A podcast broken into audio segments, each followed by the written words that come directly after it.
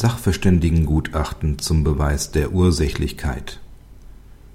Wird die Einholung eines Sachverständigengutachtens zum Beweis des Ursachenzusammenhangs zwischen einem Unfall und den Beschwerden des Geschädigten beantragt, so kann der entsprechende Beweisantrag nur dann abgelehnt werden, wenn auszuschließen ist, dass die Partei damit den Beweis der Ursächlichkeit führen kann die Klägerin behauptet, sie habe bei einem Unfall ein HWS-Schleudertrauma und eine schwere Kniegelenksdistorsion erlitten. Das Amtsgericht hatte ein biomechanisches Sachverständigengutachten eingeholt. Danach ist das Beklagtenfahrzeug mit einer Kollisionsgeschwindigkeit von etwa 5 bis 8 kmh aufgefahren.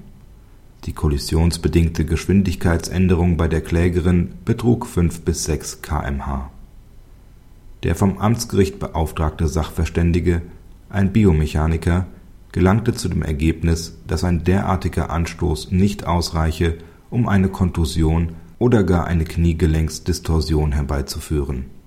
Auch sei ein ursächlicher Zusammenhang zwischen dem Unfall und der HWS-Distorsion nicht nachweisbar.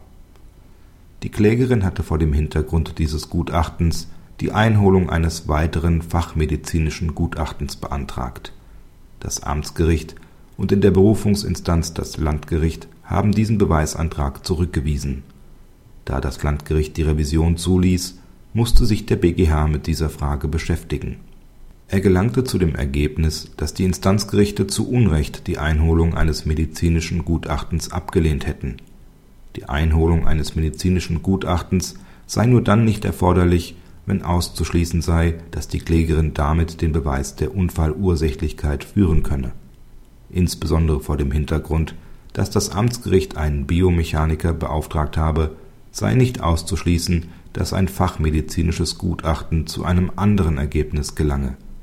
Man könne nicht ohne weiteres davon ausgehen, dass ein Biomechaniker über die Spezialkenntnisse verfüge, die einem entsprechenden Fachmediziner zur Verfügung stünden Praxishinweis Gerade bei HWS-Verletzungen spielt die kollisionsbedingte Geschwindigkeitsänderung eine große Rolle.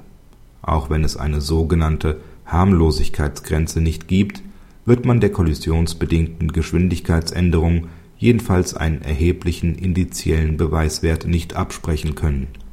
Streitig ist im Rahmen der Bewertung unfallbedingter Beschwerden immer wieder welche Rolle zeitnah nach einem Unfall erstellten ärztlichen Attesten zukommt.